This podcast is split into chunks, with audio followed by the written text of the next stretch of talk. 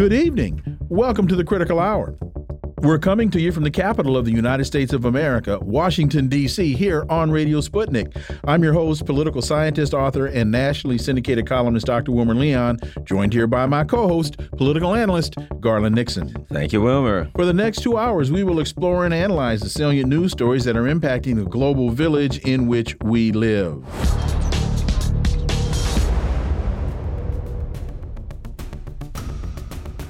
Sputnik International reports Crimean Bridge terror attacks. Ukraine hit the Crimean Bridge with a terror attack earlier today, killing two adults and injuring a child. Previously, Ukraine attacked the bridge on October 8th of 2022, halting all road and rail traffic. For insight into this, let's turn to our first guest. He's a Moscow-based international relations and security analyst, Mark Sleboda. As always, Mark, welcome back.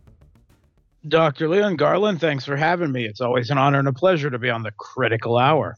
So, this is a 17 kilometer long bridge linking Crimea to mainland Russia. It was hit by a deadly drone strike this morning. Moscow suspects Kiev. Today's attack came just 10 days after Ukraine claimed responsibility for last October's bombing of the bridge. Talk about this, Mark uh, explain to us exactly how significant of a strike this is and the context of this being a terror attack since there is a war going on within the region. Okay, so um, first of all, um, the attack uh, was conducted at three o'clock in the morning. Um, as far as we know, uh, two unmanned uh, maritime kamikaze drones uh, hit uh, the uh, one span of the automobile traffic that is going in one direction uh, in quick succession. they killed a family that was on holiday. the two parents were killed it appears thankfully instantly. The young teenage girl uh, is in critical condition.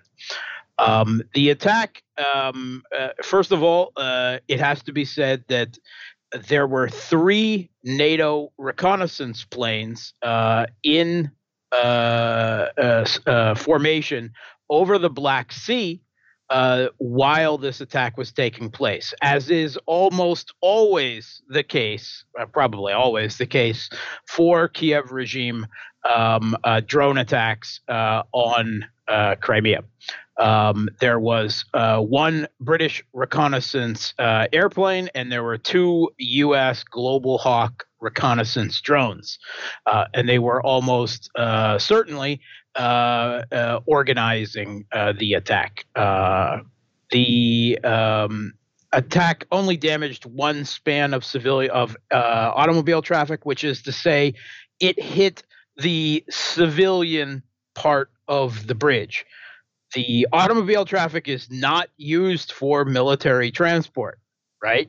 The railroad bridge it, which is you know directly parallel to it but the railroad bridge was not struck it is completely undamaged and it has not interrupted uh, military supply or traffic uh, from mainland Russia to Crimea over the Kerch Strait, uh, over the bridge portion of it anyway, at all. Uh, which is why the Russian government is calling it a terrorist attack. And despite them being in a conflict, there is validity to this. It has no strategic purpose uh, to hit uh, the civilian spans of the bridge, and it purely mo- purely motivated as as primarily an information war um, uh, stunt in order to divert away attention away from the failing NATO planned armed and trade uh, trained offensive, which is completely faltering, and actually Russia now going on the offensive at least in the Kupiansk and Liman area. Um, the uh, actually the Kiev regime has already, according to CNN, claimed responsibility for the attack. Uh, according to officials uh, within the Ukrainian intelligence service, it was carried out by members of the Ukrainian intelligence service uh, and uh, well, the Kiev regime's uh, naval forces as well. Um, it is not going to uh, provide uh, any interruption to the conflict whatsoever. Um, again, the railroad portion was not hit. Even if they had hit the railroad portion, Russia still owns the land, the quote unquote land bridge, the swath of territory in the former uh, southeast Ukraine from Donbass uh, down through Kherson to Crimea, which the crime, the Kiev regime's offensive has utter, utterly failed, bashing itself up against Russian defenses there, uh, falling completely short of their goals of severing said land bridge. And even if the land bridge was taken, and even if they successfully destroyed the Crimean bridge, um, the Crimean Bridge and the land bridge didn't exist before 2018, and Russia for four years completely supplied their own mili- pre-existing military bases uh, in Crimea and the entirety of the civilian population simply through the extremely extensive ferry network uh, and uh, you know uh, uh, by by air. Uh, so even if they had, even if this and that, still no strategic value whatsoever. Russia has uh, is dropped out of the grain deal. Is, can we connect the two? Um, oh, okay. I, I, was just wondering about. I wondered about that because they kind of came out at the same time. And what does that? Because you know, I know that's and the media's trying to connect it. Exactly. What um, what what's going on with Russia leaving the grain deal? How will that affect things? Uh, prices, yeah, food prices, Western Europe, etc. It is possible that the Kiev regime timed the attack uh, to coincide, you know, as a act of spite for Russia not extending the grain deal, allowing it to expire.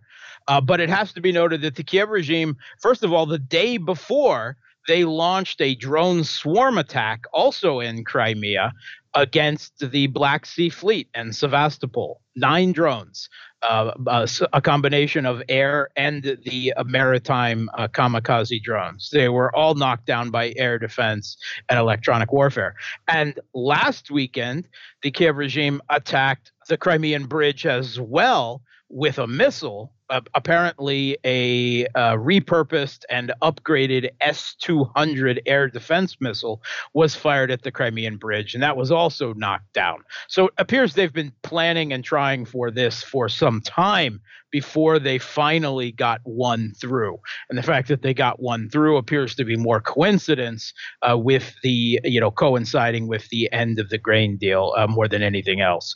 Uh, the grain deal was supposed to be a two sided deal, right? The, the purpose, the supposed purpose, was to supply food to the developing and impoverished parts of the world that need it. Ukraine being the fifth fifth biggest supplier of grain to the world, and Russia being the first, that is, the biggest supplier of grain and of fertilizer uh, to the world. And it would have allowed uh, the Kiev regime to transit uh, grain ships uh, in and out uh, of the Black Sea without interference through a humanitarian corridor. What Russia was supposed to gain from it was the West was supposed to remove restrictions. Uh, they were supposed to reconnect the uh, Russian agricultural bank to SWIFT, uh, the SWIFT system, so it could more easily conduct financial transactions to get its own grain to the African countries. Um, it was uh, supposed to remove Russian restrictions on insurance and uh, their ability to get access to ports, so it could move the grain. And it was supposed the Kiev regime was supposed to um, restart a, an ammonia pipeline, ammonia being the primary uh, component of most fertilizers, which runs across Ukraine to Europe. Not only did they not do that, they blew it up so that it could never be done as well uh, in, in, in, a, in, an act of, of sabotage uh, or terror, depending on, on, on, how you look at it. Uh, so Russia got nothing about it. They've basically been played like a chump for a year. Uh, with the proponents of the deal saying just extend it for a few more months and we'll work on this. And Russia never got what they were supposed to. If the West had been sincere about providing uh, uh, affordable uh, grain to Africa, then they surely would have removed the restrictions to Russia's grain, being the biggest supplier to the world as well. It wasn't about that. Most of the grain ended up going, more than 50% of it went to Europe. Only a tiny fraction of it went to the most impoverished countries in the world. And actually, the biggest uh, single uh, uh, customer of this grain was for use as animal fodder uh, for Spanish pigs that are used uh, to uh, provide ham, Spanish jamon. So the Spanish pigs might suffer from this, oh, but no. that's about it and the African countries, they know who is the real biggest impediment uh, to uh, them getting grain and rising gain prices. They know it's not Russia. They know that it's Western sanctions, which is why they have refused quite vociferously to participate in Western sanctions against Russia at all. Garland, Azov now attacking Spanish pigs. This is this is going uh, too low. far. This is going just too far. Uh, you mentioned uh, intercepting missiles, and Al Jazeera has a piece Russian air defense systems intercept cruise missile near Kerch, Crimea. The head of the Republic of Crimea assured that no damage or casualties resulted. Is this one of the missiles you were referring to, or is this another missile? This is a separate. This is a separate incident. There are, are so many missiles and drones heading towards Crimea or the other side, Kerch, there on a regular basis now. You you don't get them reports of them in the Western mainstream media because most of them are being knocked down, like this one was. You had to look to find this report, didn't you? Um, I did. Yeah, this was most. yeah, this was most likely aimed at a, a, a fuel refinery. Uh, in Kerch. Uh, it was intercepted. The important thing about this is it was a cruise missile. That's it was not. Right. It right. was not a repurposed air defense missile or an old Tochka U. It was a Storm Shadow, which is the type of missile that the United Kingdom and the French version, the Scalpel EG, have been provided and were used to attempt to make an attack on, on quote unquote mainland Russia. It did not succeed. Uh, that's why the story got my attention because it's a cruise missile. And just quickly, if do you know how this missile was launched? Because I, I think that's important as well it had to be launched by an aircraft. Uh, exactly. Those missiles can only be launched. It had to be launched by a Su 24. Um, and uh, uh, not only, um, uh, you know, was it uh, knocked down, uh, but it, um, you know, completely uh, failed the the myth test that these cruise missiles are uninterceptable. Okay. Right. Um, and in fact, Russia has actually captured another missile completely nearly intact. It was evidently knocked down with electronic warfare measures, uh, and it has already been brought back to Moscow uh, for reverse engineering so it can be better learned how to avoid such attacks in the future. Ukraine recap U.S. intel official says the conflict is at a stalemate. Would you consider what's going on on the lines right now a stalemate, Mark? um, no, not in the slightest. I would say that the uh, Kiev regime's offensive is running up, is running itself not really up against a brick wall, but you want to say a wall with spikes on it and explosives actually let's just call it a minefield because that's literally what they're running up to suffering a just really obscene attrition of their manpower because now they're trying to in uh, meat assaults or or you want to call them mosquito tactics to spare the rest of the western gear by sacrificing their own men mostly conscripts that they're throwing into another uh, meat grinder. This is is more an open uh, steppe kind of um, uh, open air cemetery. Uh, really it's it's it's pretty um, atrocious um, and uh, you know they haven't uh, achieved any success anywhere. Meanwhile, Russia is already brushing this aside effectively, and they have gone on the offensive uh, around uh, towards Kupiansk and Liman, which is north of Bakhmut. The those two settlements, uh, Russia withdrew from them last autumn because of those manpower issues before they called up the reservists, which we talked about at the time. Uh, and they will have to retake these two towns, which they are already making more progress than the Kiev regime has in six weeks, uh, in order to move on Ru- the Kiev regime's last defensive line uh, in Donetsk, um, the uh, Slavyansk, Kramatorsk, okay. Konstantinovka line before uh, the autumn. Uh, which is when the, that will probably take place. Mark Sleboda, as always, thank you so much for your time. Greatly appreciate that analysis, and we look forward to having you back. Thanks for having me. Folks, you're listening to the Critical Hour on Radio Sputnik. I'm Wilmer Leon. I'm joined here by my co host, Garland Nixon. There's more on the other side. Stay tuned.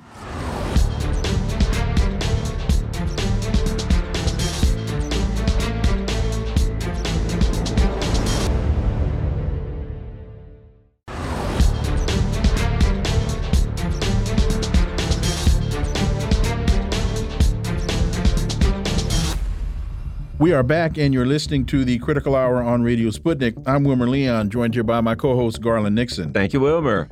Gordon Hahn writes at gordonhahn.com cracks in NATO's Ukraine project. Cracks are emerging in NATO's anti Russian alliance centered on Ukraine. NATO's Vilnius summit exposed growing tensions between NATO members and between them and their Ukrainian client state as a result of growing risks of defeat in their proxy war.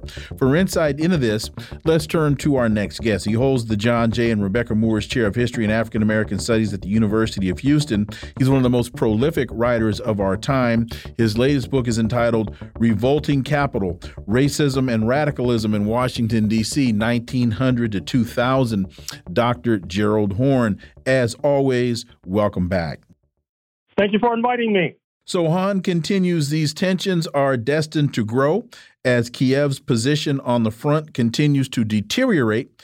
In Kiev, signs of panic and the likelihood of rising civil military tensions pose the grave threat to the West's plans to deal Russia a strategic defeat and to prompt Putin's removal. Western and Ukrainian hopes and expectations have been unrealistic all the way around from the start. Uh, that last sentence that these expectations have been unrealistic all the way around from the start, I'll say, yeah, duh to that. Uh, Dr. Gerald Horne. Well, that is the understatement of the century. However, there has been so many fundamental misconceptions by the NATO bloc led by U.S. imperialism that it's difficult to know where to start. Uh, for example, take the conflation between the Soviet regime and the post Soviet regime exemplified by Mr. Putin.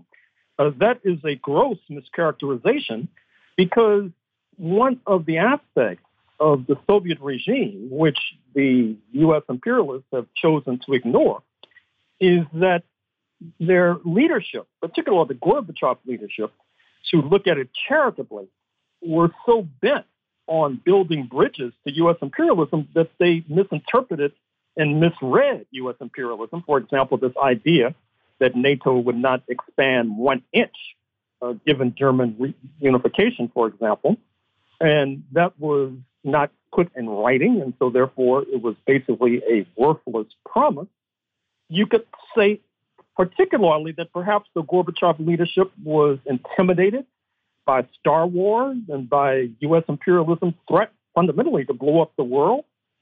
And you see a precursor of that with the Nikita Khrushchev leadership, which in October 1962 uh, settled the so-called Cuban Missile Crisis. That is to say, Russia, excuse me, Moscow putting defensive missiles in Cuba to protect against the U.S. invasion.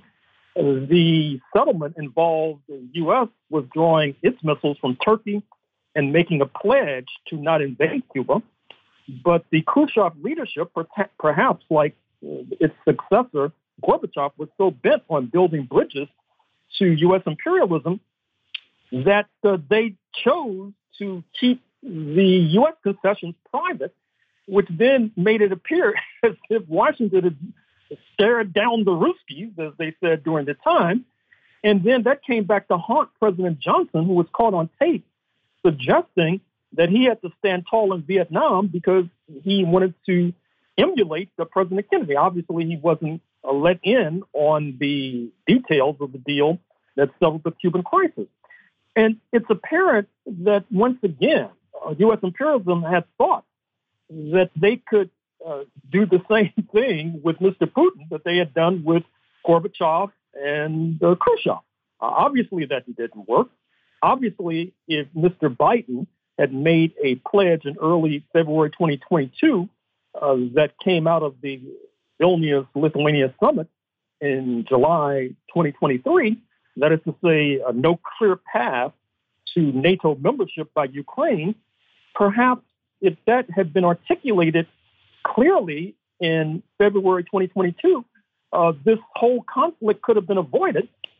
But because, I guess, to look at U.S. imperialism in the most benign light, that they thought that they're, they believed their own rhetoric. They were eating their own dog food. Apparently, they actually believed that there was a conflation between the Soviet regime and the post-Soviet regime, but obviously that's, that's not the case.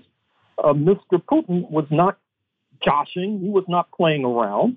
And Washington has come to realize that to its detriment. And now the latest victim of this catastrophe is the leader of the military in Great Britain. Speaking of Ben Wallace, uh, he was more hawkish, believe it or not, than the Pentagon on this conflict.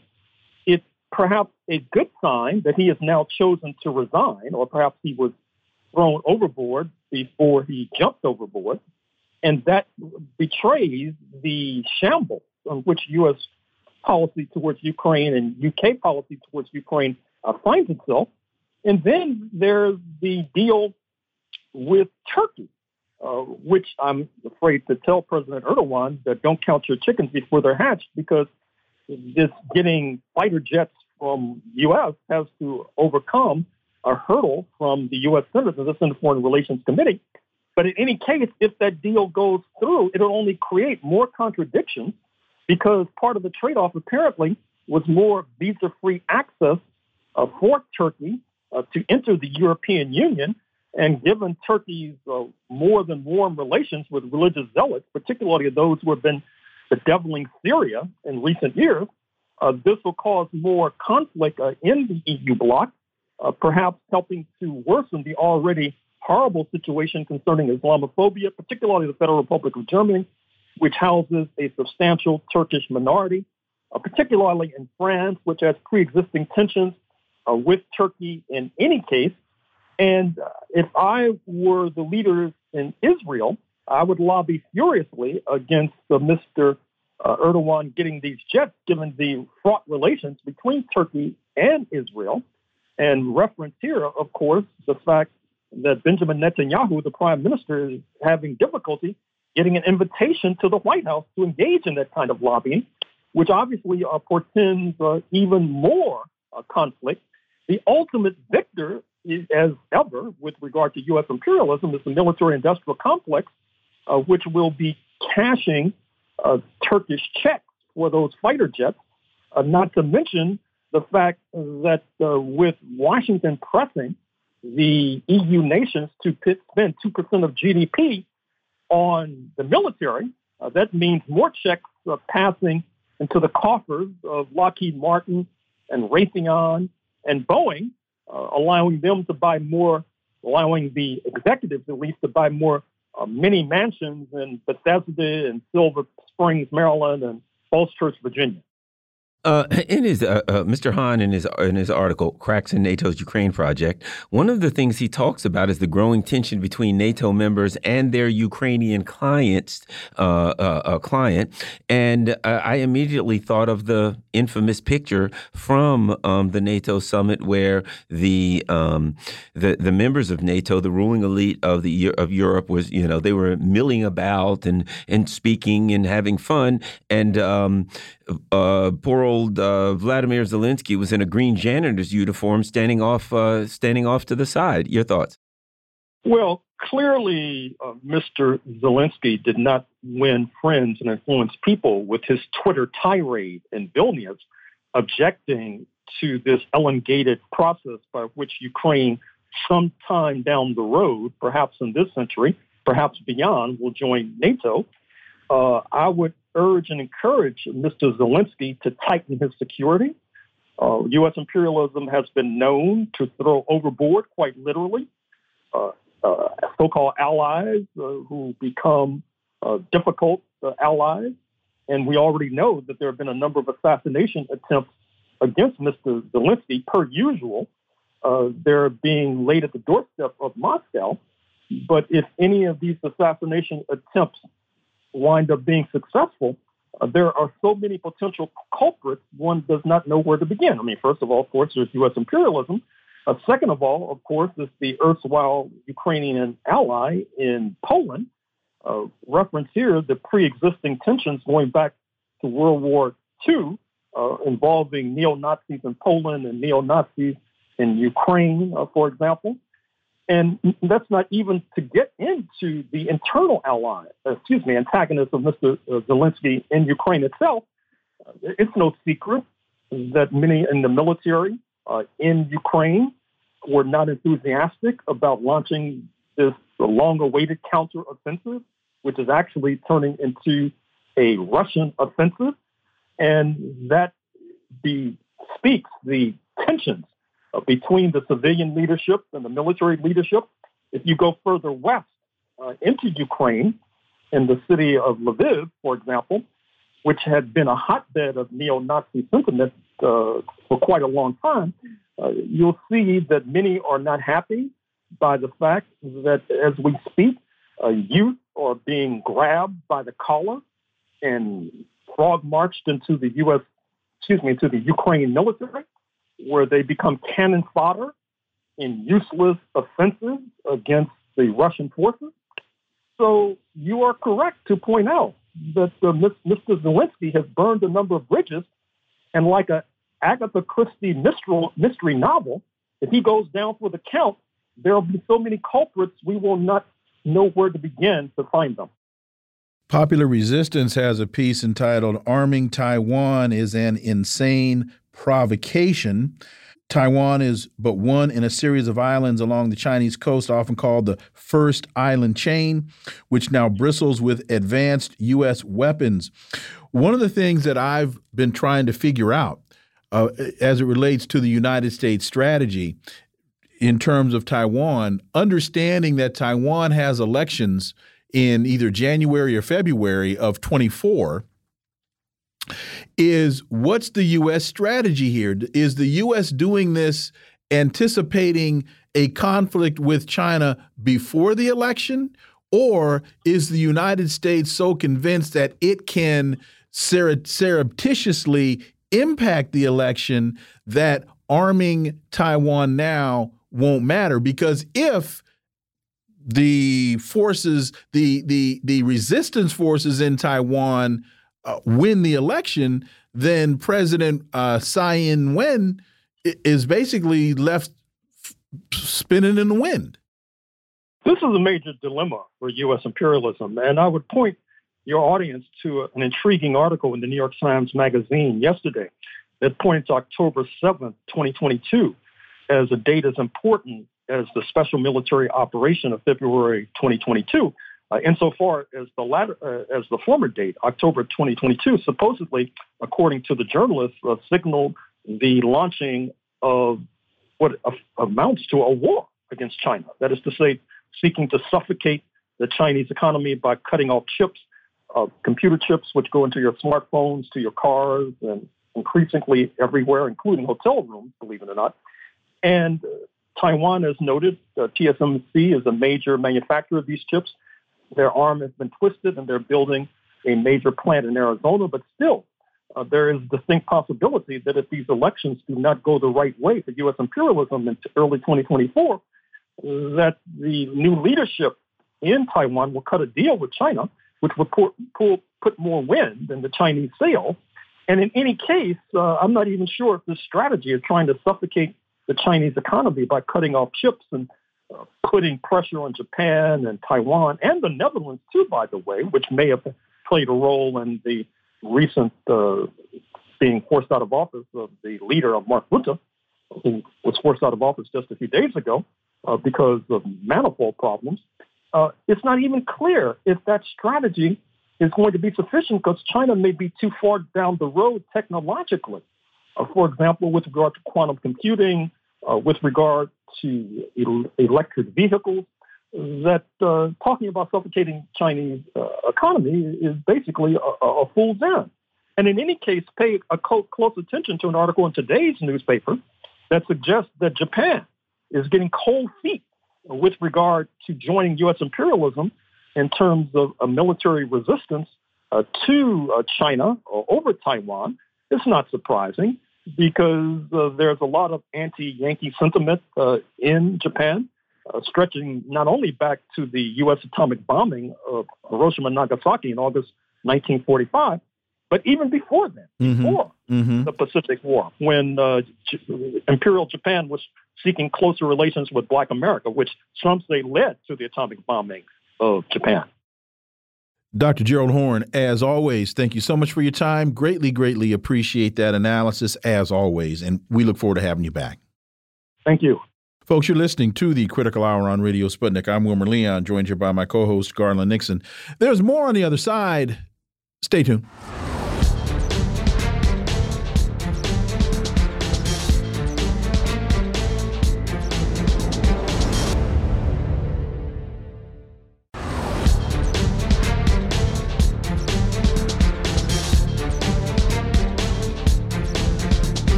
We are back, and you're listening to the Critical Hour on Radio Sputnik. I'm Wilmer Leon, joined here by my co host, Garland Nixon. Thank you, Wilmer. There's a press release from Dr. Cornel West. He responds to the NATO summit by calling for an end to NATO. While NATO did not exacerbate the Ukraine conflict by offering Ukraine a set of a, a, set date for membership, NATO members are still fueling the war with increasingly destructive weapons from cluster bombs and depleted uranium shells to cruise missiles and F-16 weapons that move us even closer to potential potential nuclear war with Russia. For insight into this, we turn to our next guest. He's a writer and professor of East Asian and Global History at New Mexico State University. Dr. Ken Hammond, as always, Ken, welcome back. Glad to be back. It's been a while. So, Dr. West believes that those who seek peace must not only call for negotiations to end the war, but must also take a position against NATO himself, itself. Quote NATO is an expanding instrument of U.S. global power that provoked Russia into this war, a proxy war between the American empire and the Russian Federation that could lead to World War III. Dr. Ken Hammond, do we need to just do away with NATO? Well, I think this was a very, very refreshing uh, uh, press release to see from uh, from Dr. West, who, of course, is a you know highly respected uh, uh, figure both in our in our politics and in our academic and intellectual lives here.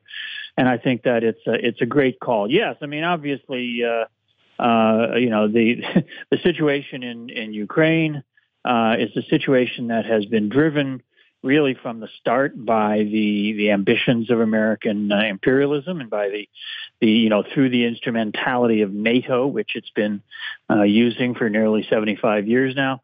And uh, I think that uh, Dr. West's statement is a very clear formulation of the idea that it's not enough to say, oh well, you know they you know they're not gonna they're not gonna give uh, Ukraine membership right now uh, you know, that doesn't negate the long history of expansion that, you know, the pushing and pushing and pushing that has gone on pretty relentlessly since the 1990s, despite the commitments that were made at the time. Uh, you know that oh we're not going to expand NATO you know one inch east and all this that stuff obviously was just was just rhetoric at the time and went by the boards but um, yeah I think it's a very I think it's a very strong statement and uh, I was I was delighted to have a chance to read it.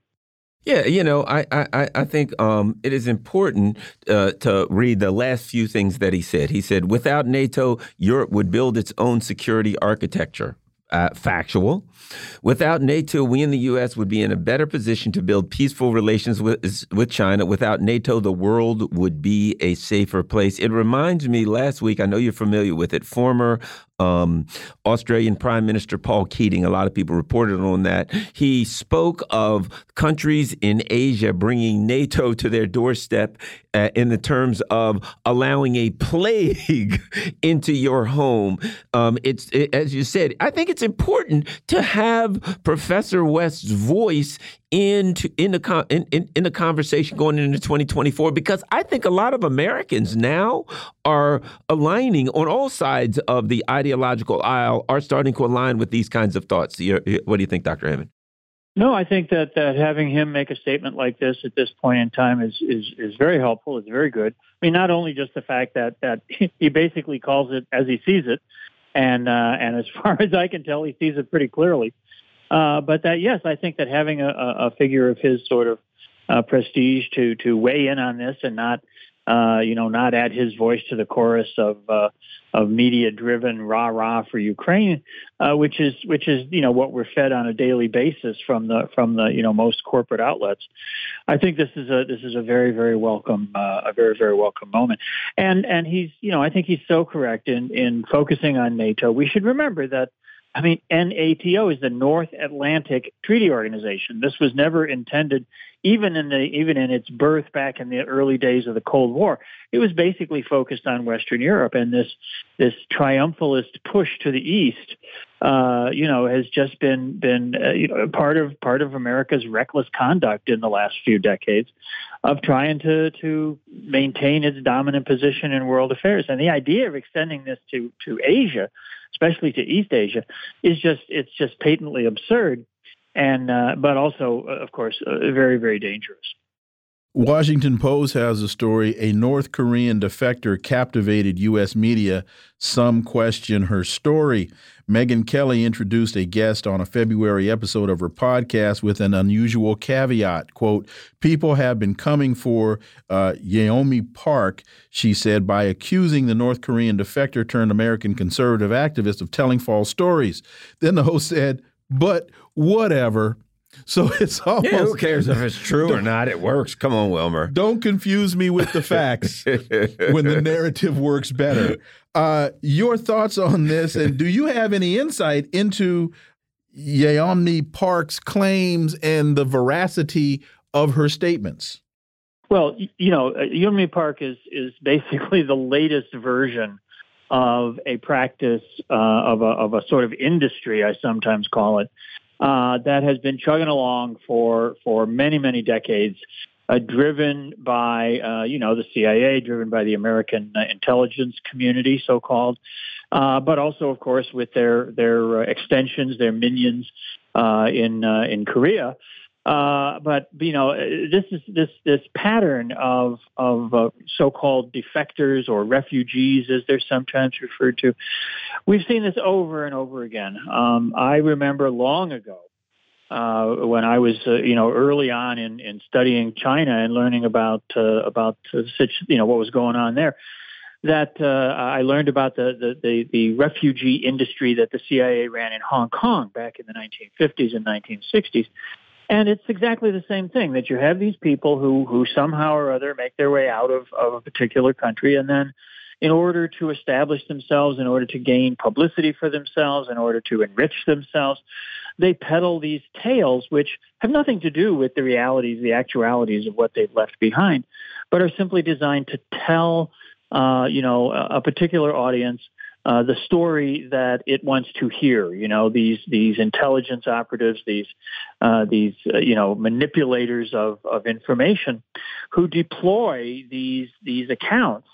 Uh, you know, in, in the pursuit of, of their own objectives, you know, the, the demonization of China, the demonization of North Korea, the, you know, this, this spinning of these outrageous tales, uh, you know, which are so bad that, that even other refugees and certainly sober scholars uh, of North Korea in this instance, uh, you know, just say, well, this just simply doesn't accord with reality. These these things are just made up tales.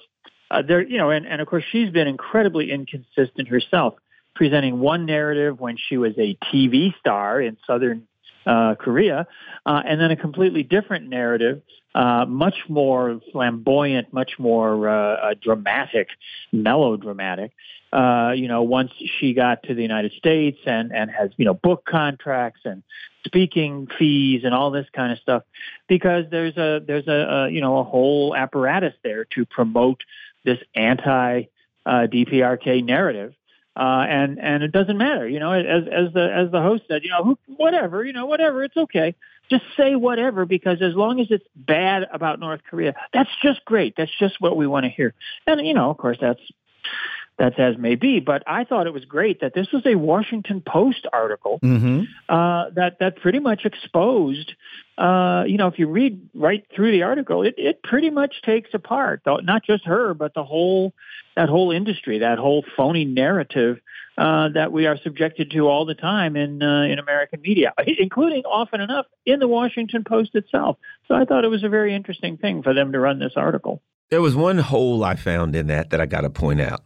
And they say Sure. North Korea is not even this nuts, Park said in a 2021 podcast appearance as the host Tim Pool fretted vaguely about big tech censorship and people whom he asserted are afraid to share their true opinions on social media for fear of losing their jobs. So the one thing they had to sneak in was the business about, oh, these crazy conservatives or these crazy people are pushing back on big tech censorship like it's some kind of crazy um, uh, communist thing when everybody knows it's not a crazy communist thing. So they still had to sneak something in here, Ken.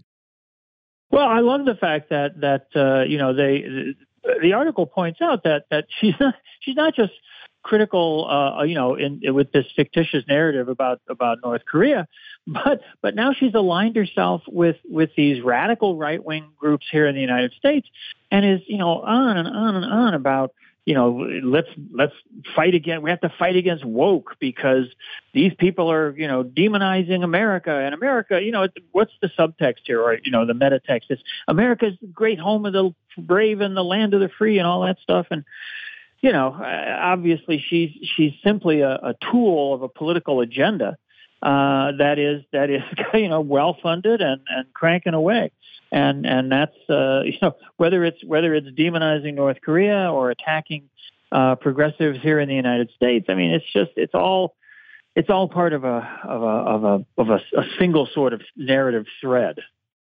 We have about two minutes left. Indonesia warned Southeast Asian nations, quote, can't be a proxy, end quote, for any country. Indonesian President Joko Widodo warned Friday that members of the Association of Southeast Asian Nations, or uh, ASEAN, can't become a proxy for any country as tensions between the U.S. and China are soaring in the region. Ken Hammond. Well, I think I think one thing that's important to remember historically about Southeast Asia, as we and this it's important in terms of ASEAN and it's important in terms of the, the push that NATO's making right now. That back in the 50s, you know, when the U.S. was riding high on its Cold War, you know, juggernaut, uh, you know, they, they created uh, the Southeast Asia Treaty Organization, SEATO, which was modeled on NATO. And that was to be an anti-communist alliance in the region as the United States ramped up its imperialist war in Vietnam and expanded that to Laos and Cambodia and all this. And, uh, you know, once the U.S. was defeated, once the U.S. was forced to withdraw from mainland Southeast Asia, uh, the countries there, you know, cast that aside. They understood that SEATO was American imperialism. It was a proxy for U.S. power. And so ASEAN doesn't want to be that. They don't want to be brought under the American umbrella, made into a tool of American imperialism and capitalism. And so I thought, you know, it, it, it's good to push mm-hmm. back on that. And Indonesia, Malaysia, I mean, all those countries, they want to pass, you know, chart their own path. They don't want to be dominated by the U.S. They don't want to be dominated by China. China's not particularly out to do that. But I think that this is a healthy pushback. Dr. Ken Hammond, as always, thank you so much for your time. Greatly, greatly appreciate it. We really appreciate having you back and look forward to hearing from you soon. Always a pleasure to talk, guys. Take care. Folks, you're listening to the Critical Hour on Radio Sputnik. I'm Wilmer Leon. I'm joined here by my co host, Garland Nixon. There's more on the other side. Stay tuned.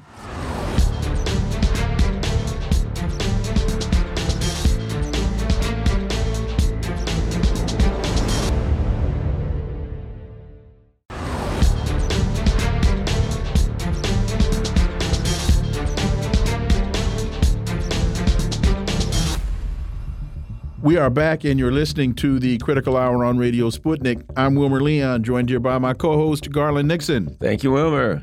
Chris Hedges writes in ScheerPost Cornel West and the campaign to end political apartheid.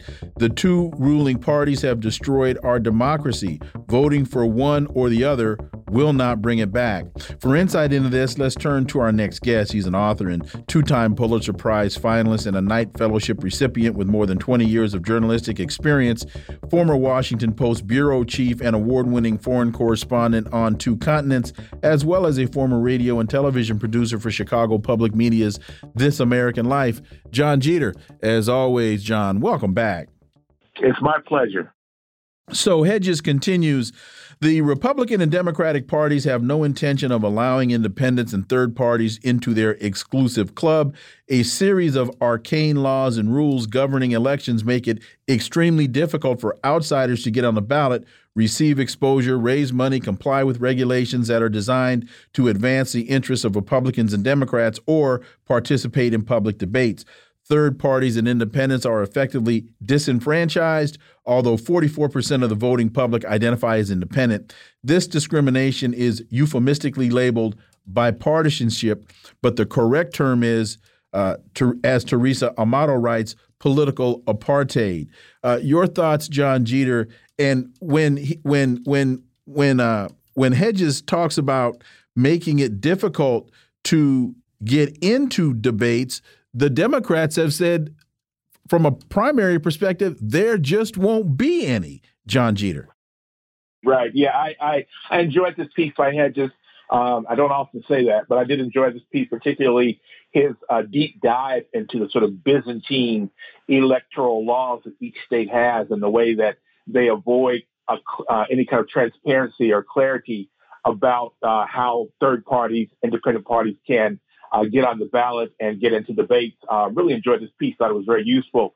Um, I, I, I, have to say that it is also consistent with my, I don't know if it's my belief or my my hope that uh, this election uh, will be the most important presidential election in the United States since Jesse Jackson's 1984 uh, presidential bid. Uh, it, it, it, could be that, I think, because I think that Cornel West, in particular, his candidacy um, is something that can begin to sort of shake uh, shake off the uh, the blinders that the, Ameri- the Americans have on, start to understand that the issues are far bigger than the Democratic and Republican Party, far bigger than Trump and Biden, and start to fight back with someone painting a vision of what we can be. Uh, someone once said, uh, uh, uh, where there is no vision, the people perish. I think Cornel West is someone who can restore that vision. Bernie Sanders got us close, but I think his betrayal of uh, Democratic voters, independent voters, people who uh, really favored his message, um, uh, it really set the movement back. So I'm hoping that Cornel West can sort of run with that momentum, which has been stalled, but revive that momentum and run with it. I really hope that this is the start of something big. Might not be, you know, I have a lot of admiration for Cornel West. You know, I fear that he might do the same thing as Bernie Sanders and just sort of sheepdog, uh, sheep herd uh, voters back into the Democrat camp. I don't think he will, but I guess that is a concern. So um, I've got, you know, really big expectations for this next uh, election, not necessarily in terms of who will win, but in terms of the conversation that I hope, I believe it just might start uh, in America.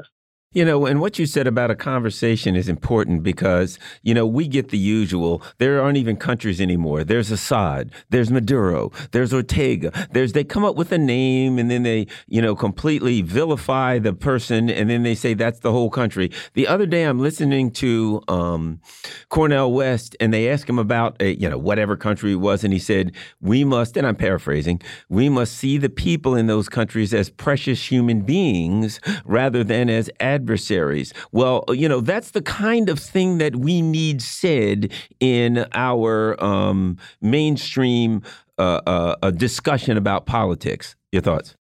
Oh, no, absolutely. I, I, one of the things I, I greatly admire about Cornel West, although I think it's actually, I think it's a campaign that's going, it's going to be uh, both a, a, a, a blessing and a burden, but his plain speak, his prophetic speak. I mean, he's a, he's a prophetic voice running for uh, uh, uh, uh, a political office, that doesn't often happen. There are inherent problems in that, but it also is something really great about that in that it sparks people's imagination. Again, Jesse Jackson, I, I, I in fact, I hope, I'm not sure how Reverend Jackson is doing. I think he's still doing okay, but I hope that uh, Dr. West is having a conversation with Jesse because I think Jesse's framing of these issues almost 40 years ago was just spot on perfect. And so I hope that Cornel West will begin to uh, maybe maybe mm, uh, combine his, his, his prophetic vision, which is great, which is wonderful, and particularly at this stage in the campaign. I hope he will combine that with more nuts and bolts, uh, uh more nuts and bolts, putting meat on his sort of prophetic vision.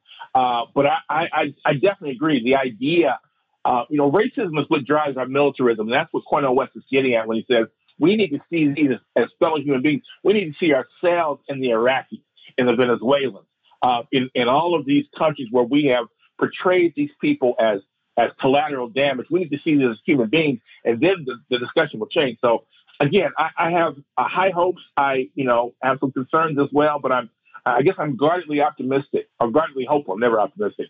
Guardedly hopeful that uh, uh, Cornel West is going to be the start of something big in this country, uh, and, and, and hopefully uh, uh, something big and something good, something positive. Caitlin Johnstone has a piece in the Greanville Post. The worst 2024 election interference won't come from Russia or come from China. And basically, what she's examining is how the internal workings of the American process is undermining the process. Uh, how, for example, Robert F. Kennedy Jr. Uh, some of his videos are being taken down by by Twitter and taken down by some of the other social media. I think um, YouTube, uh, YouTube, and uh, uh, social social media outlets, uh, and and and and how it's the internal workings of the process domestically that are undermining the process. It's not foreign interference, Jon Jeter. Oh, absolutely, uh, and of course this has always been the case. But I think we're seeing uh, we, we're seeing this movement driven, ironically enough, I think by the by the by new money uh, uh, not just old money, but new money, these tech giants, uh, these um, uh, relatively young people who have invested in tech industries and have made tens of millions and billions of dollars, and they're really controlling the political process uh, for uh, promoting this vision of white liberalism. I think that's why we have such a odd debate about the LGBT community and, and transgender rights for children, which I just find a bizarre uh, conversation, but they're driving the conversation at this point. Um, I think it's going to backfire. But uh, there's certainly right now, I think Caitlin Johnstone is, is absolutely right. Uh, the interference comes from within. Uh, this rot that is caused by this inequity, this inequality, um, uh, and these very, very wealthy people have consolidated power. Uh, I was just having a conversation yesterday with a friend out in the Bay Area in California who was telling me that the same thing that the that the technocrats, the technical technical elites, the uh, Silicon Valley millionaires and billionaires, the same thing they did to Chesa Boudin, the San Francisco uh, a prosecutor who was removed from office because they thought he was too liberal. They're now trying to do that to the Oakland prosecutor, I believe a black woman uh, or woman of color at least. Uh, they're trying to do the same thing. And so what we, and what that means is that they're, they're overthrowing democracy. They're using their money to to to form a counter revolution, uh, to overthrow democracy, to overthrow the will of the people. And so I think we're in store for more of that. Hopefully, though, again, I'm hoping that this conversation sparked by Cornel West going forward, that it will be enough to spark a counter, or I guess a revolution, right, to, to, to, to counter the counter revolution, to, to confront the counter revolution. Um, and so we'll have a real robust conversation. It's getting to the breaking point now where there's just no real counter factuals that the elites can argue, right? The system has failed miserably to to um, benefit the majority of the American people, and indeed the majority of the of the world's population. And so I think we're getting to that point where uh, uh, uh, what's the saying? Truth will rise again. Um, so hopefully, uh, here's to 2024. You know, we in 2024 coming up, we've got even Trump, who, for all of his faults, you know, a stop clock is right twice a day. So he's saying, hey, we shouldn't be sending money to Ukraine. We should, you know, the, these warmongers are causing us problems. Eh, it's Trump. But that conversation's being had. Then we have Cornel West, and we have um, uh, uh, uh, RFK Jr. literally saying we must dismantle imperialism. The New York Times is going after you know, Cornel West to go maybe go. Well, they they haven't that much, but they're going after RFK. It seems to me it's just too much. There are too many voices now that are representing the people, and I'm not implying that Trump's voice is representing anyone but Trump. But you get my point. Yeah, I, I definitely do. I mean, and, and you're exactly right. A, a broken clock is right twice a day, and Trump has some real advantages over Biden. I don't know how the Democrats think they're going to counter it the, the war in Ukraine and his proposal to withdraw, uh, to withdraw support for Ukraine, uh, I, I, think that has very real legs. That's why I will say right now, I'll go on record, I think he's the favorite by far uh, to win the White House, barring something unforeseen, to win the White House. This war uh, is not um, uh, is, is not marketable, right? Particularly at a time when you when you see this growing inequality that's starting to crush not just black people, of course, and people of color, which is always been the case, but we're starting to see it really, really have an impact on white people in the white working class. And while we don't really have the critical faculties to deal with that in a, in a, in a, in a mature way, uh, that I think is going to result in some backlash against Joe Biden and the Democratic Party. Trump is offering a vision. It's a very, very flawed vision. It's a, it's a, it's a, it's a vision that resembles uh, what Hitler offered. I mean, I, am not, I'm just being honest here. Uh, it's very similar to that, you know, sort of national restoral through uh, uh, uh discrimination and racism. Uh, um, but it's a vision that I think will capture the imagination of a lot of Americans who, you know, are undereducated, miseducated, and and um, find find his his vision compelling. Just quickly to that point, it's also very interesting, very telling that a lot of this warmongering is still coming from Democrats, and whereas and and that counters the standard uh, st the stereotype that the the Democrats are the peaceniks and the Republicans are the hawks. It's really two wings on the same bird. Yeah, I don't, I don't, I'm, you know, I, I need to do more investigation into this, but uh, the the idea that the Democrats are the peaceniks and the Republicans are the warmongers, I, I don't, I actually think that has not been operative for uh, in my lifetime. Uh, I'm 58. Oh no, no, no, you're right, but that, but that's still the standard. That's the misperception. Yes, exactly. No, it's it's it's, it's so true, and it's so very clear, so very starkly clear now that that the Democrats are really the ones who are pushing war. I think that Republicans mostly are okay with it, right? But it's the Democrats who have pushed this war. I mean, I don't think I'm the only one in this country who's noticed that for all of his flaws, and there are many, uh, Donald Trump did not start any new wars. Barack Obama did, and Joe Biden did. Uh, I just think that's the. I don't think you can. For every action, there is a there's a reaction. I think that the reaction uh, that is that is bearing down on us is a rejection of the Democratic Party and its warmongering. Uh, and even if that means it's one for uh, a very flawed peacenik, such as he is, like Donald Trump, I, I think that's very likely. Mm-hmm. I, I, mm-hmm. don't, you know, I just don't think you can spend this money abroad these, Got you. you know, F-16 fighter jets and everything like, like that when people are, are literally hungry. Jon Jeter, as always, thank you so much for your time. Greatly, greatly appreciate that analysis, and we look forward to having you back. Thank you, brothers. Folks, you're listening to the Critical Hour on Radio Sputnik. I'm Wilmer Leon, joined here by my co host, Garland Nixon. There's another hour on the other side. Stay tuned.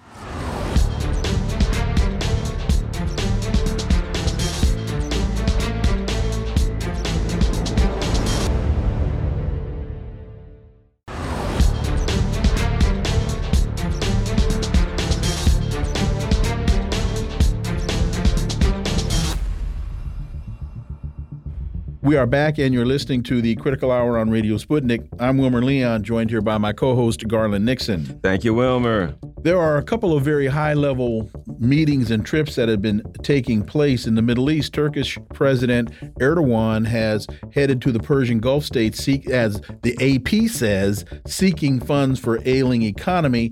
And we have Iraqi uh, Prime Minister Sudani uh, has gone to Syria to hold talks with Syria's President Assad. For insight into these issues as well as others, let's turn to our next guest. He's a broadcaster and journalist based in Beirut, Lebanon, Laith Marouf. As always, Laith, welcome back. Thank you for having me. So, uh, AP reports that Turkish President Erdogan has traveled to Saudi Arabia today in a three stop tour of Persian Gulf states, and they say that his mission is to seek trade and investment to support his floundering economy. Uh, when I read that that headline to you, Laith, you you started chuckling. Uh, if you would elaborate, please. Well, you know, clearly, of course, there is partially an issue of uh, the economy of uh, Turkey. Uh, but uh, remember, uh, before the elections happened in Turkey, the, uh, the Saudis uh, deposited $5 billion in the central bank of Turkey to prop up the economy and to uh, essentially help Erdogan get reelected. And so it is not only this what is expected from this relationship as it seems there's a new uh, page being opened between the saudis and and turkey who have been at uh, heads um, you know uh, the last 10 years uh, have seen these two countries uh, competing over control in uh, much of the arab countries that collapsed uh, at the uh, end of the Arab uh, Spring, quote unquote. And right now we see a rapprochement between these two countries because, of course, they they each wasted billions of dollars uh, on these uh, plots, uh, either with Turkey supporting the Muslim Brotherhood and the Saudis supporting various forms of Wahhabi death squads that rolled over the Arabic world. So now we see an end to this hostility, this competition, because both of them are suffering and they're trying to catch up to the rise of the new world uh, order that uh, includes multipolarity. And uh, we see a shift, of course, uh, eastwards. Uh, and but I personally caution anyone that thinks these two countries are still fully outside of American influence um, because we're still in this flux moment and we don't know really the where these countries would land. But what is clear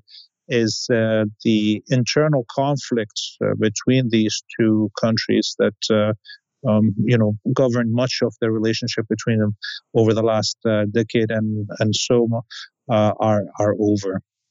What about the other visit? Iraqi Prime Minister uh, Sudani is in Syria talking with Assad. They discuss securing their shared 600 kilometer border from security threats, including Islamic State militants, and agreed to enhance cooperation to reduce drug smuggling. Uh, they announced this in a joint news conference. Oh, yeah. I mean, I watched this uh, press conference with the Prime Minister of Iraq and the President of Syria.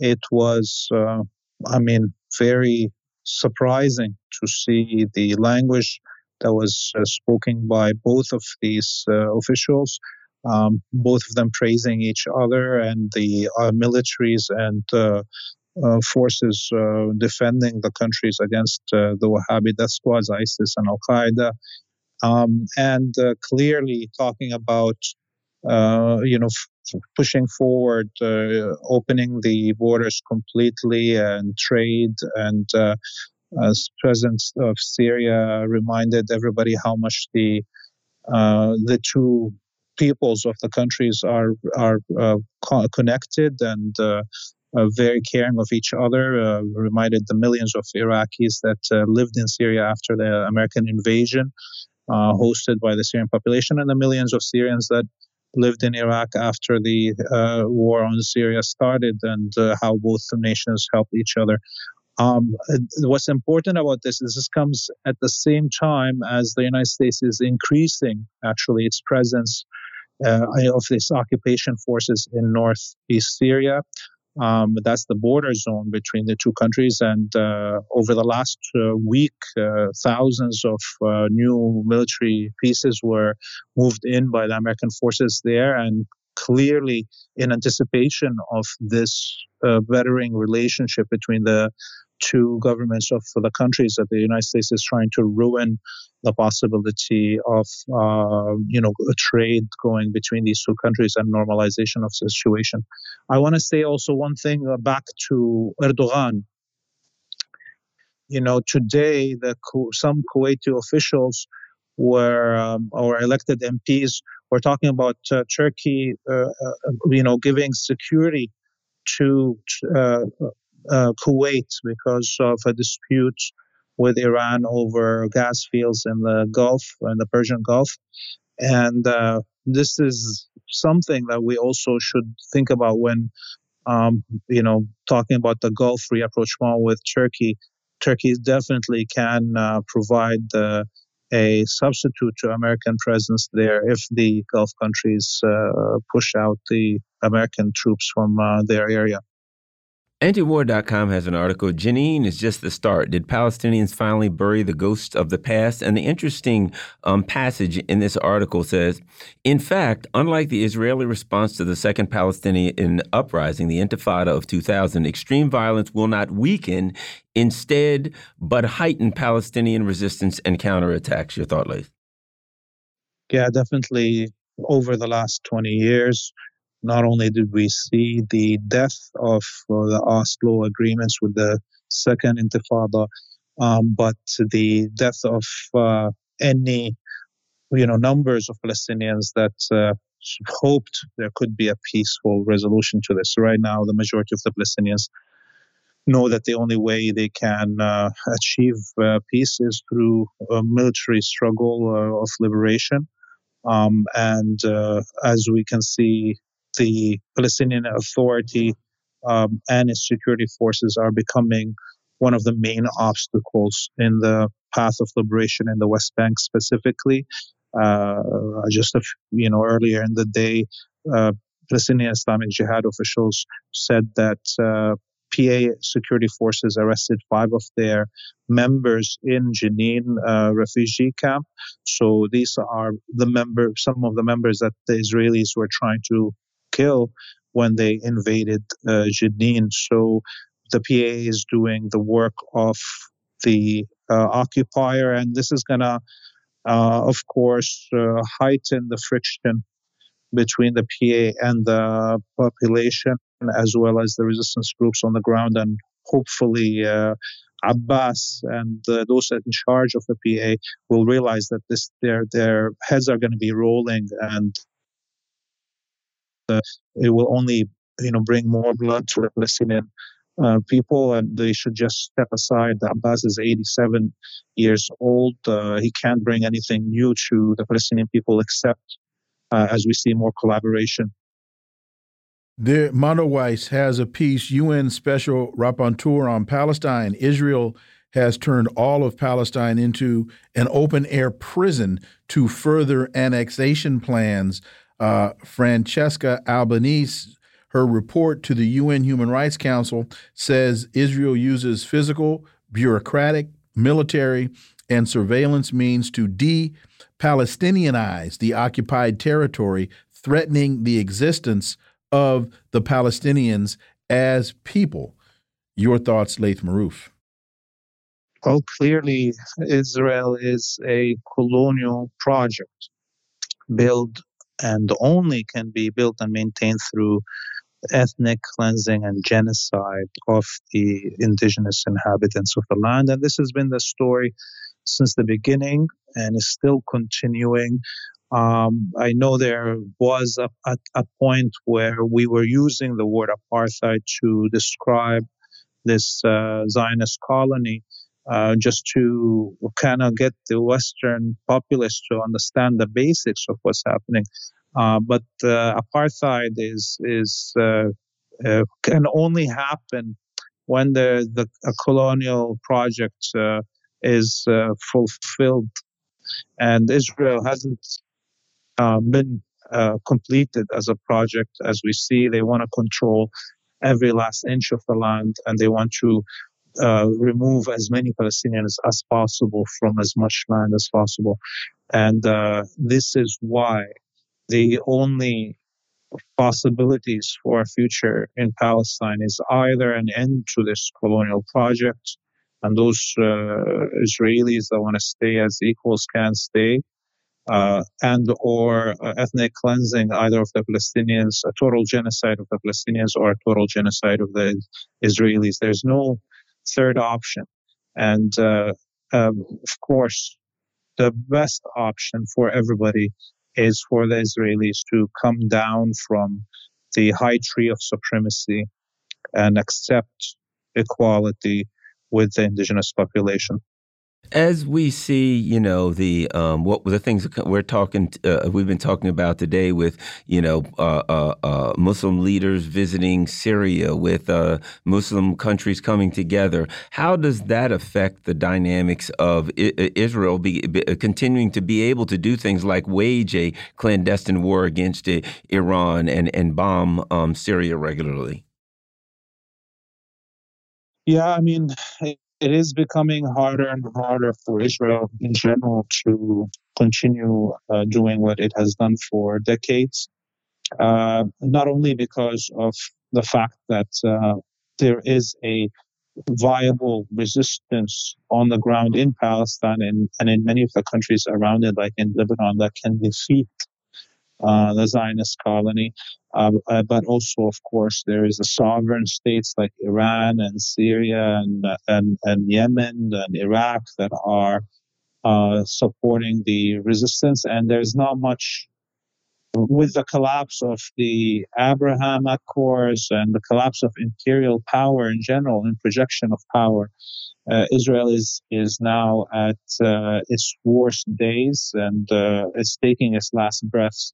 It's just about knowing how much blood is going to be spilled right now, uh, and and that's the only thing that we don't know about. But in the end, Israel is is is uh, going to be gone very soon.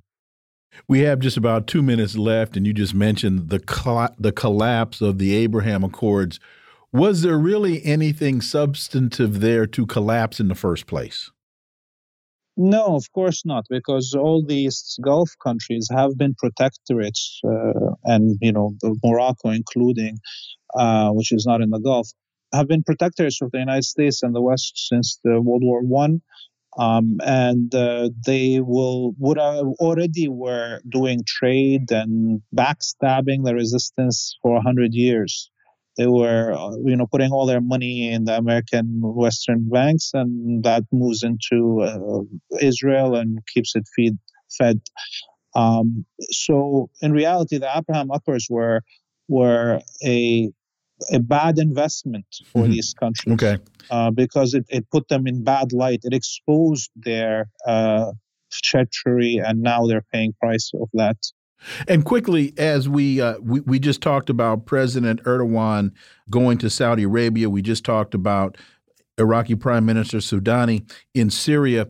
Are these visits and are these discussions a result of China's involvement in bro in brokering rapprochement between the Saudis and the Iraqis. Are we seeing ripple effects from China's involvement there? 30 seconds. Partially that, and even you know one thing uh, we didn't mention: the president of Algeria is right now in China, so you could see the whole region shifting east. Uh, the West is uh, losing all control of the situation, and it uh, the West, if it wants to keep control of these or um, you know Gulf countries and other protectors, former protectorates of it, it has to offer more. And it doesn't seem like uh, anyone in the West wants to offer anything to the world. They want uh, the world to just uh, prostrate at their feet and say that they are supreme, and and not look for their own good. And that's not going to work anymore in this world. Laith Marouf, as always, thank you so much for your time. Greatly, greatly appreciate that analysis. And as always, we look forward to having you back. You have a great evening. Folks, you're listening to the Critical Hour on Radio Sputnik. I'm Wilmer Leon. I'm joined here by my co host, Garland Nixon. There's more on the other side. Stay tuned.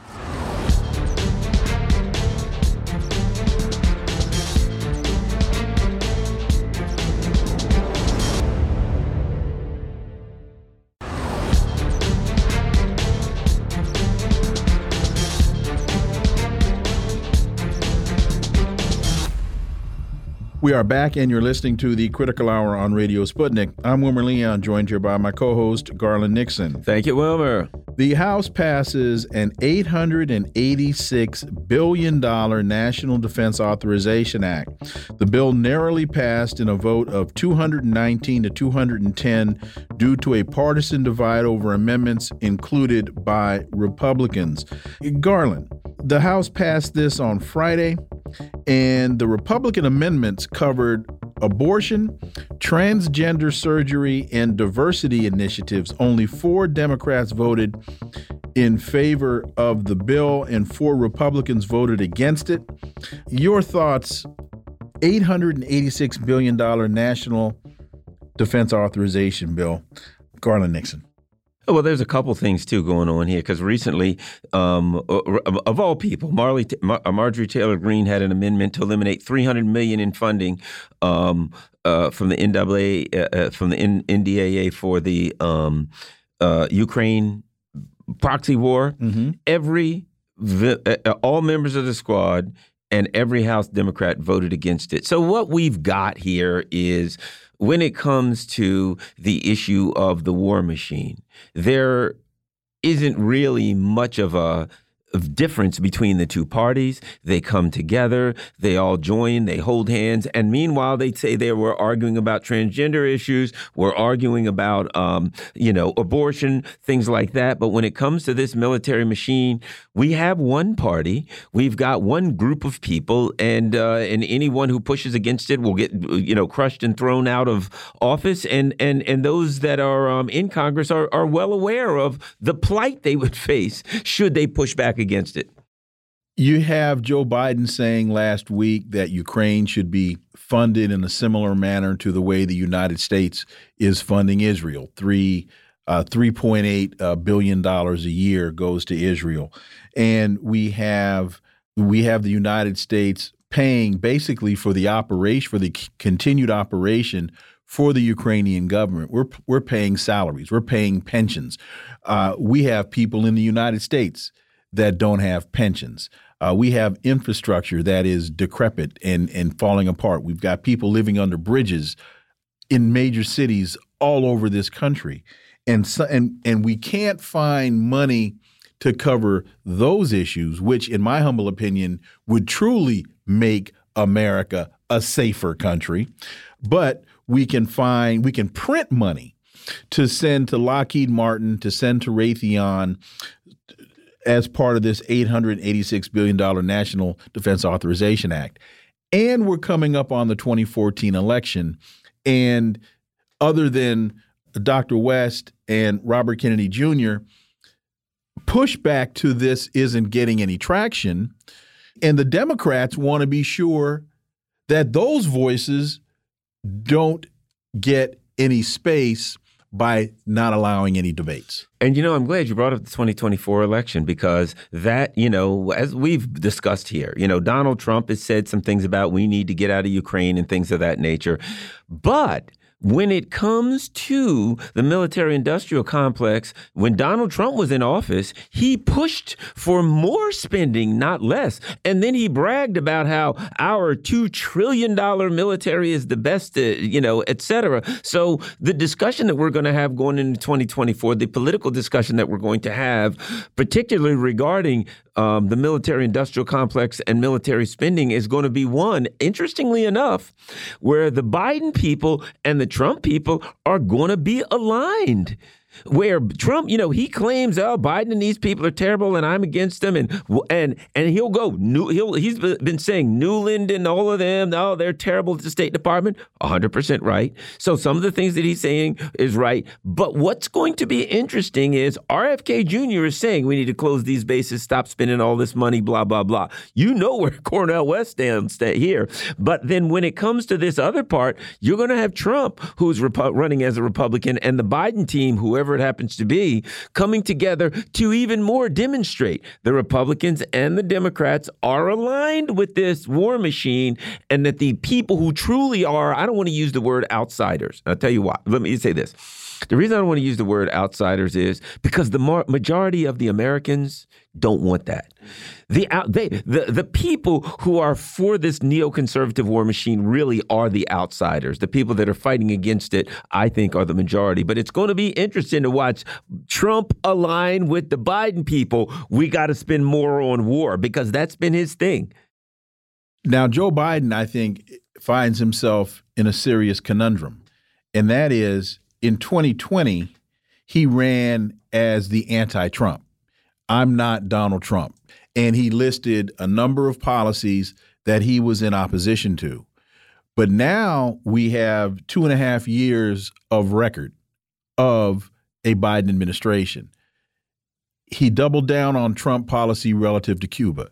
He doubled down on Trump policy relative to Haiti. He doubled down on Trump policy relative to Venezuela. Uh, and the list uh, as Gil Scott Heron, Heron would say, it's an endless, endless list that won't be missed when at last America is purged. So we find that really in, in so many instances, Joe Biden is more Trumpian than Trump.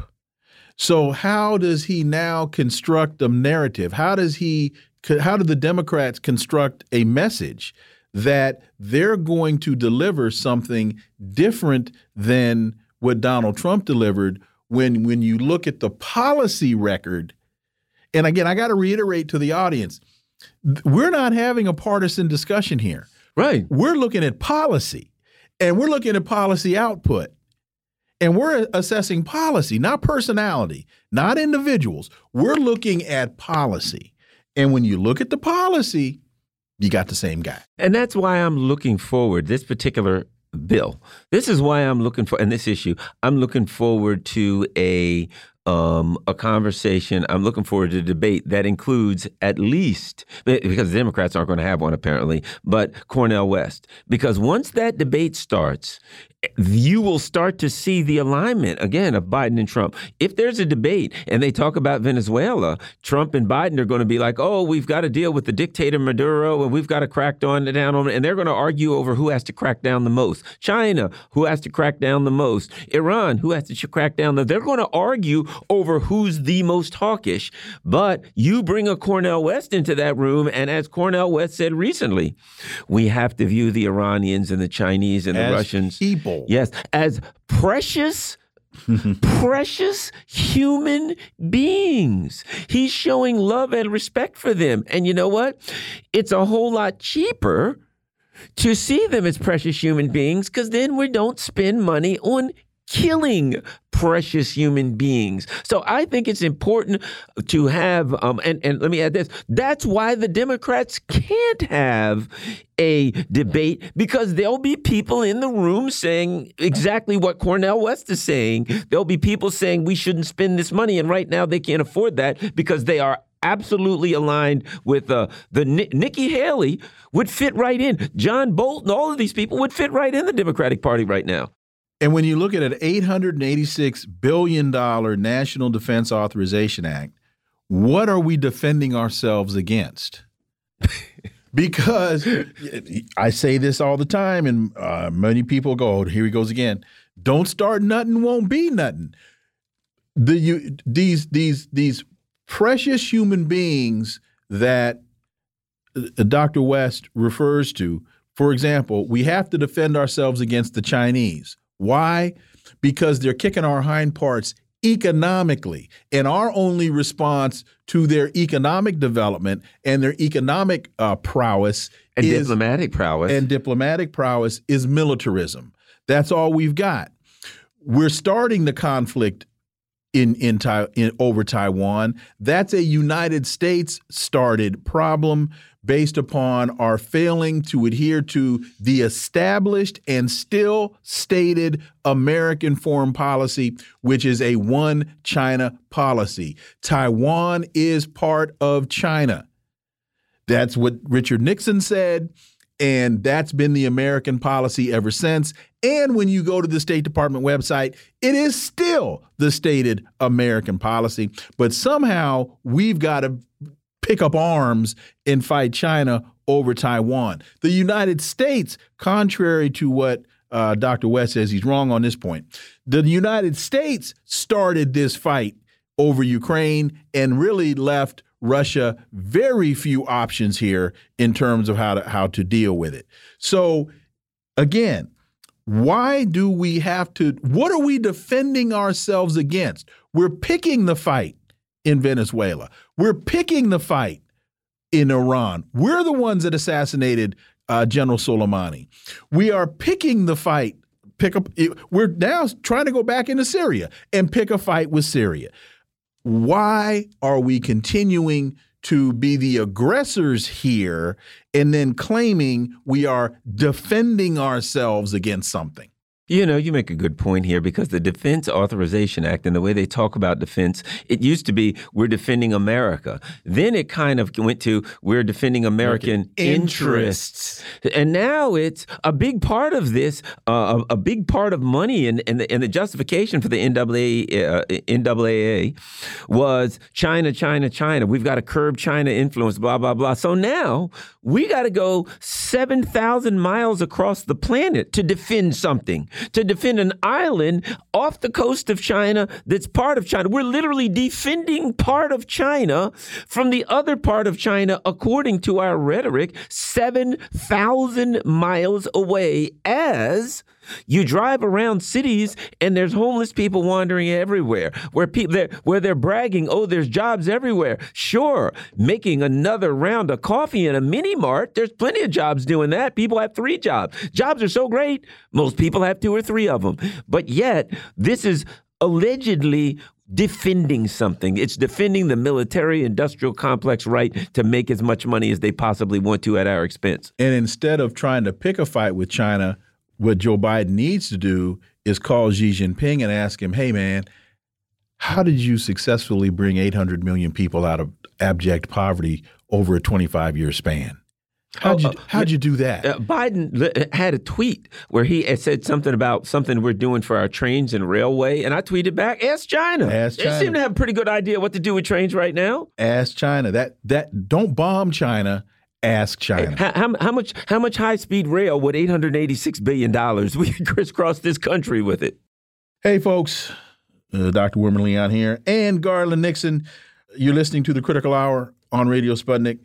There's a whole lot more on the other side. Do yourselves a favor. Stay tuned.